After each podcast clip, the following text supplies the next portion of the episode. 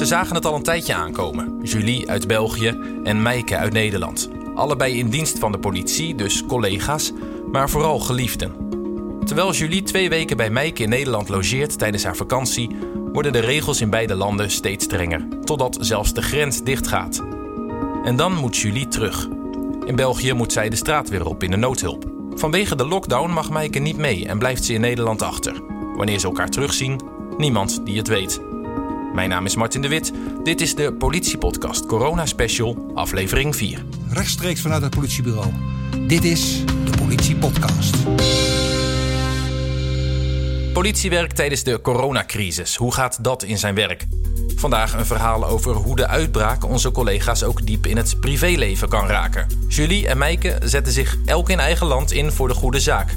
Maar dat heeft wel een prijs. 3 april moest zij weer gaan werken, tot zij weer de nachtdienst. Ja, daar zaten wij natuurlijk wel flink tegen aan te hikken. Want ja, hoe lang ga je elkaar daarna niet zien? Ja, was redelijk uh, emotioneel. Dus ja. Uh, je kijkt natuurlijk uh, om de twee minuten op je klok hoe laat het is, zolang dat je nog samen hebt.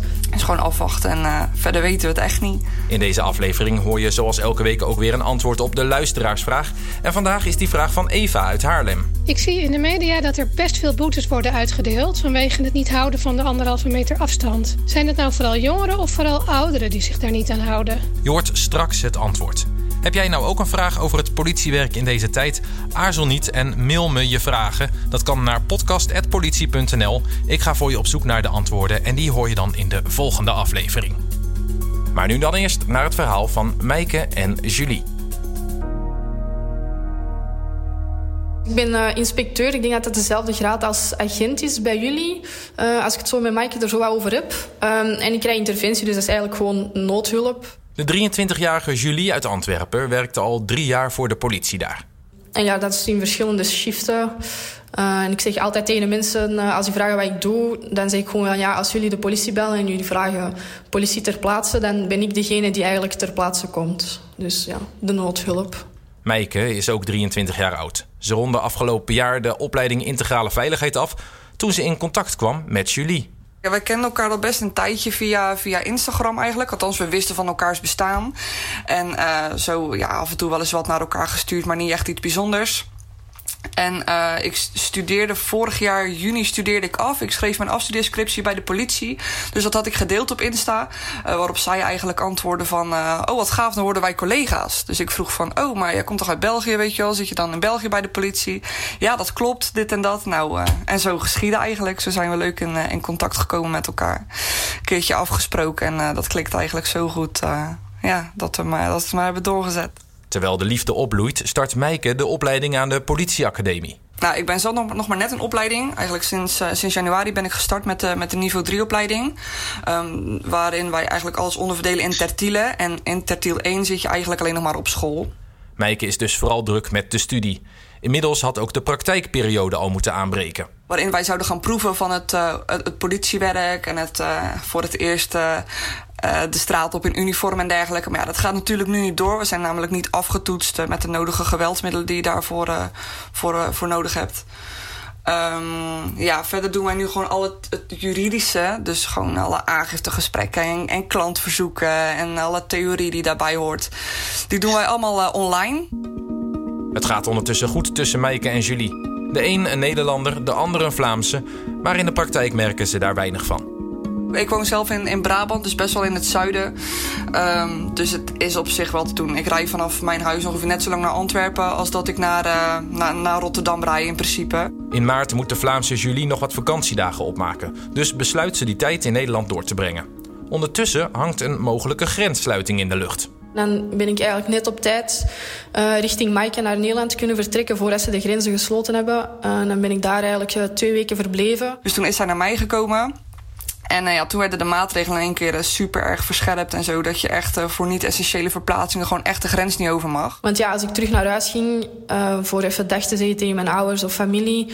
dan um, had ik ook niet meer terug naar Maaike gegaan. Dus dat was wel um, ja, stressvol zaak. Maar ik had ook alles mee voorzien dat ik daar twee weken kon blijven. Het wordt een vreemde periode voor Julie en Maaike ondanks alles hebben we wel gewoon veel van genoten. En zijn we gewoon wel lekker samen geweest. En hebben we gewoon lekker, uh, lekker nog gesport hier en zo. Ja, je kan natuurlijk niet echt uh, een uitstapje maken of iets dergelijks.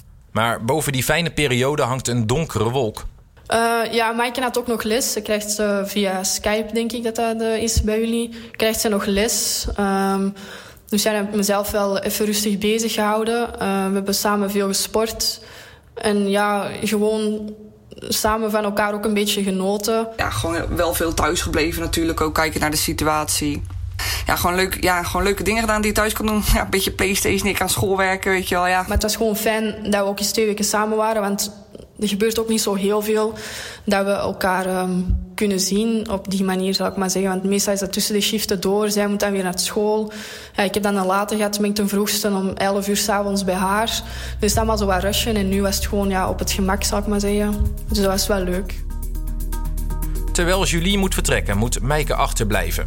Meegaan met haar vriendin is geen optie.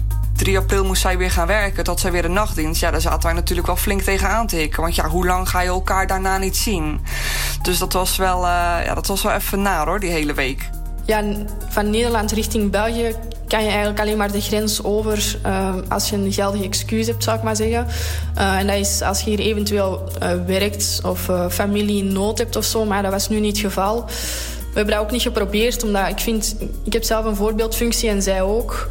Um, ja, ik, wil dan ook niet dingen gaan doen die niet mogen. Ik, kan niet iemand een boete geven van 250 euro als ik dan zelf in mijn vrije tijd uh, ja, die regels aan mijn laars slap natuurlijk. Ik hoorde en, en, en las wel uh, afgelopen weekend iets dat ze een, een soort van versoepeling uh, hebben aan, aangemaakt in die, in die regelgeving. Um, dus dat mensen die een partner hebben, uh, over de grens vanuit België, dat ze dan wel naar die partner toe mogen. Uh, maar wanneer ze dan weer terug de grens overgaan, dan moeten ze twee weken lang in uh, ja, thuisisolatie.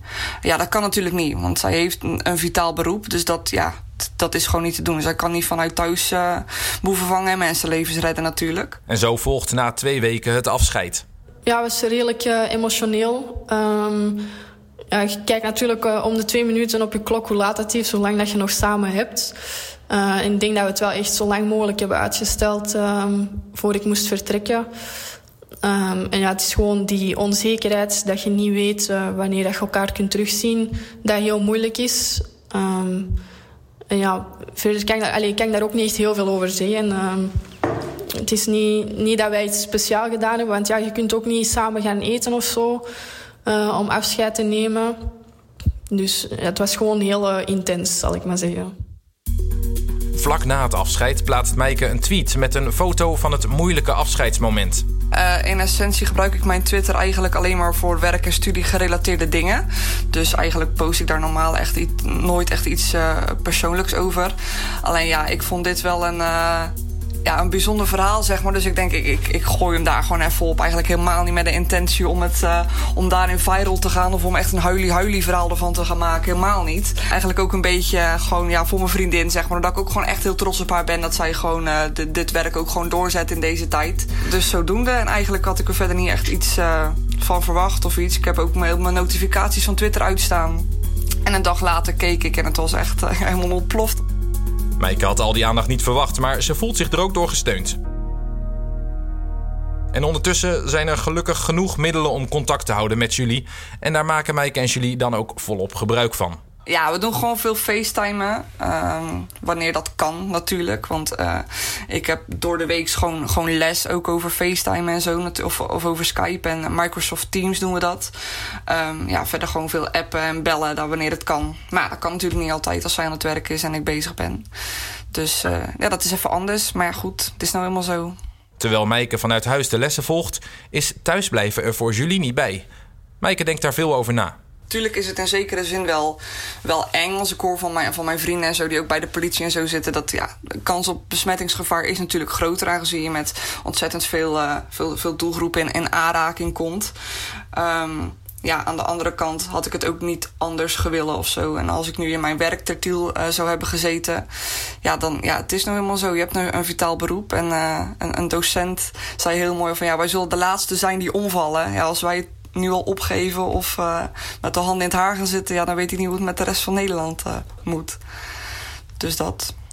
Mijke is trots op Julie, die terug in België in een veranderde werksituatie weer aan de slag gaat. Um, ja, langs de ene kant is het rustig. Dus meestal hebben wij wel per shift uh, één verkeersongeval of stellen wij heel veel inbraken vast. Nu, doordat de mensen thuis zitten allemaal, uh, ja, is er minder verkeer op de baan.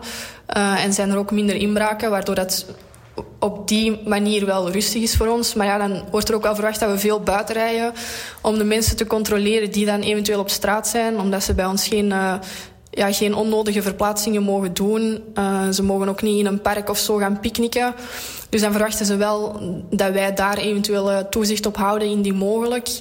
Uh, ja, natuurlijk moeten we wel onze hoofdtaken nog blijven uitvoeren. Dus die krijgen wel prioriteit tegenover de rest. Julie let niet alleen op het gedrag van anderen, maar moet ook scherp zijn op zichzelf. Want afstand houden als agent, dat valt niet altijd mee. Voor jezelf is het ook wel moeilijk uh, om zelf altijd die maatregelen uh, toe te passen. Ja, als iemand moet boeien of fouilleren, ja, kun je geen anderhalve meter uh, afstand houden.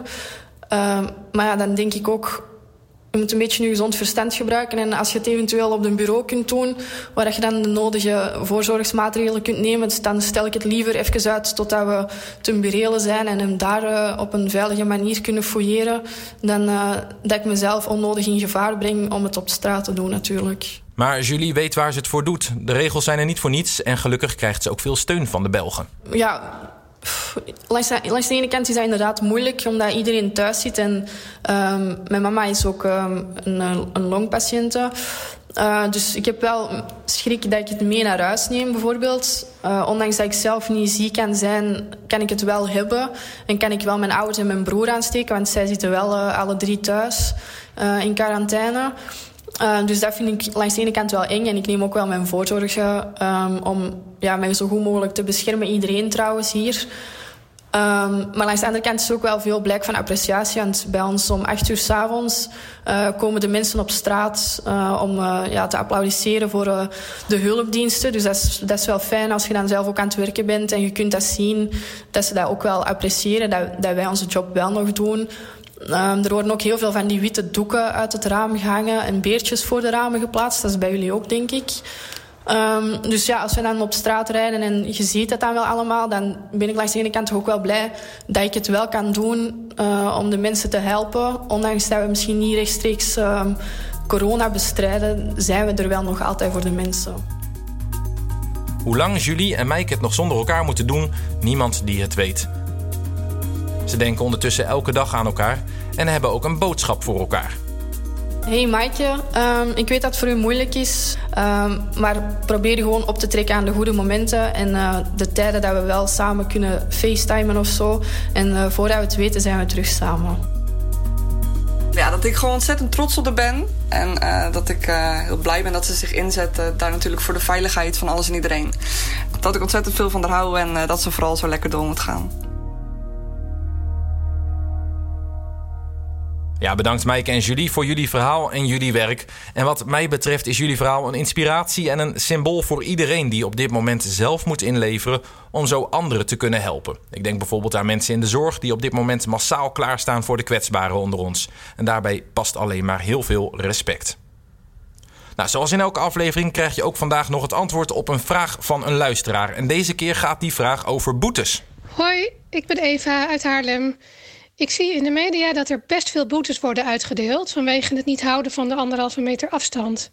Zijn het nou vooral jongeren of vooral ouderen die zich daar niet aan houden? Een interessante vraag, Eva. We legden de vraag voor aan Nationaal Hoofdinformatie van de politie, Hans Rechterschot. Gelukkig, en dat kunnen we wel zeggen, dat de meeste mensen zich netjes aan de regels houden. Kijken we terug op het paasweekend, dan hebben we als politie ruim 1800 bekeuringen uitgedeeld aan mensen die te dicht bij elkaar stonden of op aanwijzingen van ons niet uit elkaar gingen. Kijk je naar de bulk van cijfers die eronder ligt, dan valt op dat de groep tussen 18 en 22 jaar de meeste bekeuringen hebben gekregen. Je kan dan niet meer spreken van een groep die jeugdig is, maar volwassen en meerderjarig. En als je meerderjarig bent, dan is de boete 390 euro. Dat is toch een hoop geld. Ook zonde om gewoon uit te geven. Houd afstand, luister naar aanwijzingen en laten we Nederland proberen veilig te houden. Dankjewel Hans voor het antwoord. En Eva, ik hoop dat je ermee uit de voeten kunt. heb jij nou een andere vraag, eh, dan kan je die stellen. Uh, dat kan via podcast.politie.nl en dan hopen we die weer in een volgende aflevering voor je te beantwoorden. Tot zover deze vierde corona-special van de Politie-podcast. Sterkte de komende tijd als je dat nodig hebt. Hou je aan de richtlijnen, want daarmee bescherm je jezelf en ook de mensen om je heen. Alleen samen krijgen we het coronavirus onder controle. Als je op de hoogte wil blijven van nieuwe afleveringen van de Politie-podcast, abonneer je dan met de knop in je podcast-app. We zijn snel bij je terug met een nieuw verhaal van een collega en een nieuwe vraag van een luisteraar. Voor nu bedankt voor het luisteren en tot snel.